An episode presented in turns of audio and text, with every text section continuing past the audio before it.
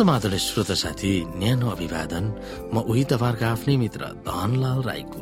श्रोता आज म तपाईँको बीचमा बाइबल सन्देश लिएर आएको छु। आजको बाइबल सन्देशको शीर्षक रहेको छ सनातन सृष्टिकर्ताको आराधना गर।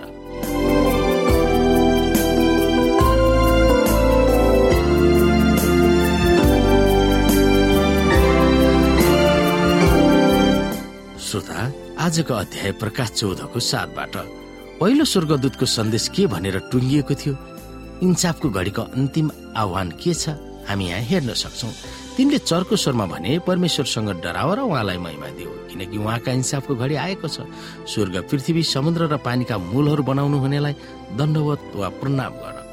यही सन्दर्भमा हामी विभिन्न पदहरू हेर्न सक्छौ जस्तो यसैयाको चालिस अध्यायको पच्चिस पददेखि यहाँ हेर्न सक्छौ हामी। तिमीहरू मलाई कोसित तुलना गर्दछौ अथवा को सम्मान छ? परम पवित्र भन्नुहुन्छ। तिमीहरूका आँखामाथि उठाएर आकाशलाई हेर यी सबै कसले बनाएका हुन्? उहाँले नै होइन र? यसले जसले पुञ्जलाई एक एक गरी ल्याउनुहुन्छ र प्रत्येकलाई नाउ काडी बोलाउनुहुन्छ। उहाँको ठुलो शक्ति र शक्तिशाली सामर्थ्यको कारण तिमीहरू मध्ये एउटै पनि हराउँदैन। आदिमा वचन हुनुहुन्थ्यो वचन परमेश्वरसँग हुनुहुन्थ्यो अनि वचन परमेश्वर हुनुहुन्थ्यो। उहाँ आदिमा परमेश्वरसँग हुनुहुन्थ्यो सबै थोक उहाँद्वारा बनिएर बनेको कुनै पनि थोक उहाँ बिना बनिएन। यो न एक अध्यायको एकदेखि तिन। र उहाँको अदृश्य गुण अर्थात् उहाँको अनन्त शक्ति र ईश्वरीय स्वभाव संसारको सृष्टिदेखि नै बनाइएका थोकहरूमा छर्लङ्गै देखिएको छ। यसैले यिनीहरूलाई कुनै किसिमको बहाना छैन। रोमी एकको बिस। सृष्टिकर्ता परमेश्वरलाई प्रणाम गर दण्डवत गर आराधना गर पूजा गर भन्ने ठुलो बिगुको ईश्वरले कराउँदै प्रकाश चौधको साथमा अन्त्य गर्दछ। यो आह्वान विशेष गरेर अहिलेको निम्ति समसामयिक र महत्वपूर्ण छ।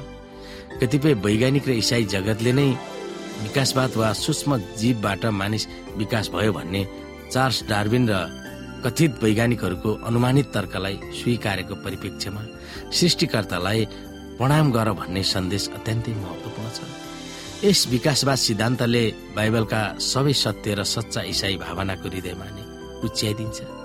यदि विकासवाद सिद्धान्त सत्य हो भने हाम्रो आस्था वा विश्वास झुटो ठहरिन आवश्यक हुन्छ। त्यसले गर्दा सृष्टिकर्ताको आराधना गर्ने विषय अत्यन्तै निर्णायक विषय हो। प्रकाशको पुस्तकको अन्तिम आह्वान बाइबलको पहिलो पुस्तक उत्पत्तिमा नै आधारित छ। यदि सृष्टिको महत्वलाई हामीले बुझ्न सकेनौँ भने आराधनामा आधारित विश्व ब्रह्माण्डमा भइरहेको भीषण युद्ध हामीले कहिले पनि बुझ्न सक्दैनौँ। आदिमा परमेश्वरले आकाश र पृथ्वी सृष्टि गर्नुभयो। उत्पत्ति सबै धर्मशास्त्रको जग नै यो पद हो। आदिमा वा सुरुमा परमेश्वरले सृष्टि गर्नुभयो। हिब्रू भाषामा सृष्टि भन्ने शब्द बाराह हो र यो केवल परमेश्वर आफैले गर्नुहुने क्रियाकलापलाई बुझाउँदछ। परमेश्वरको अपार र असीमित शक्तिको बारेमा साँचो चर्चा गर्नुपर्दा उहाँको सृष्टिको सूर्यलाई हेरौँ हामी। सूर्यले एक सेकेन्डमा यत्तिको ऊर्जा उत्पादन गर्न सक्छ। किन कुनै पनि मानिसले तेल ग्यास र आगोबाट उत्पादन गर्न सक्दैन? यो इतिहासको सुरुदेखिकै कुरा हो। सूर्य कमसे कम आठ लाख पैसठी हजार फराकिलो छ। यसमा हाम्रो पृथ्वी जत्रो दस लाख ग्रहहरू अटाउन सक्छ। तर हाम्रो मिल्की वे वा, वा दुग्ध सागर ग्यालेक्सी अर्थात् आकाश गंगाको केवल एउटा मात्र तारा हो जहाँ खरबौं खरब ताराहरू छन्।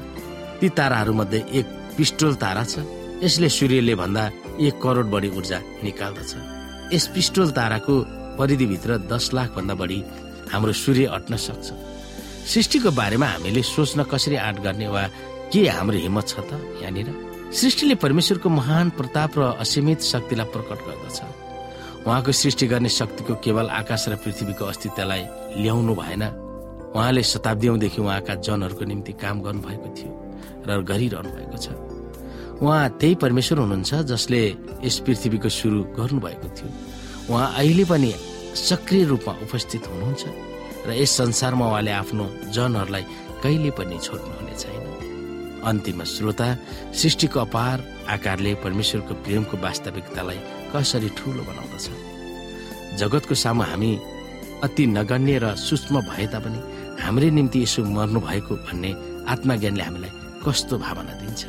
त्यो कुरा हामी सोच्न सक्दछौ कि श्रोता यो जगतमा तपाईँ र म हामीले अघि बखान गरेका जुन सूर्य अनि तारा र त्यसमा भएका ग्रहहरू मध्येमा पनि धेरैभन्दा धेरै सूक्ष्म साना छौँ।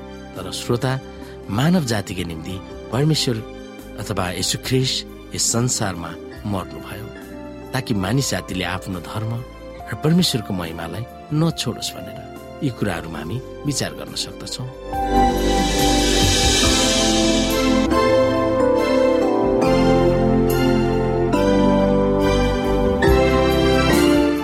श्रोता आजको लागि बाइबल सन्देश यति नै।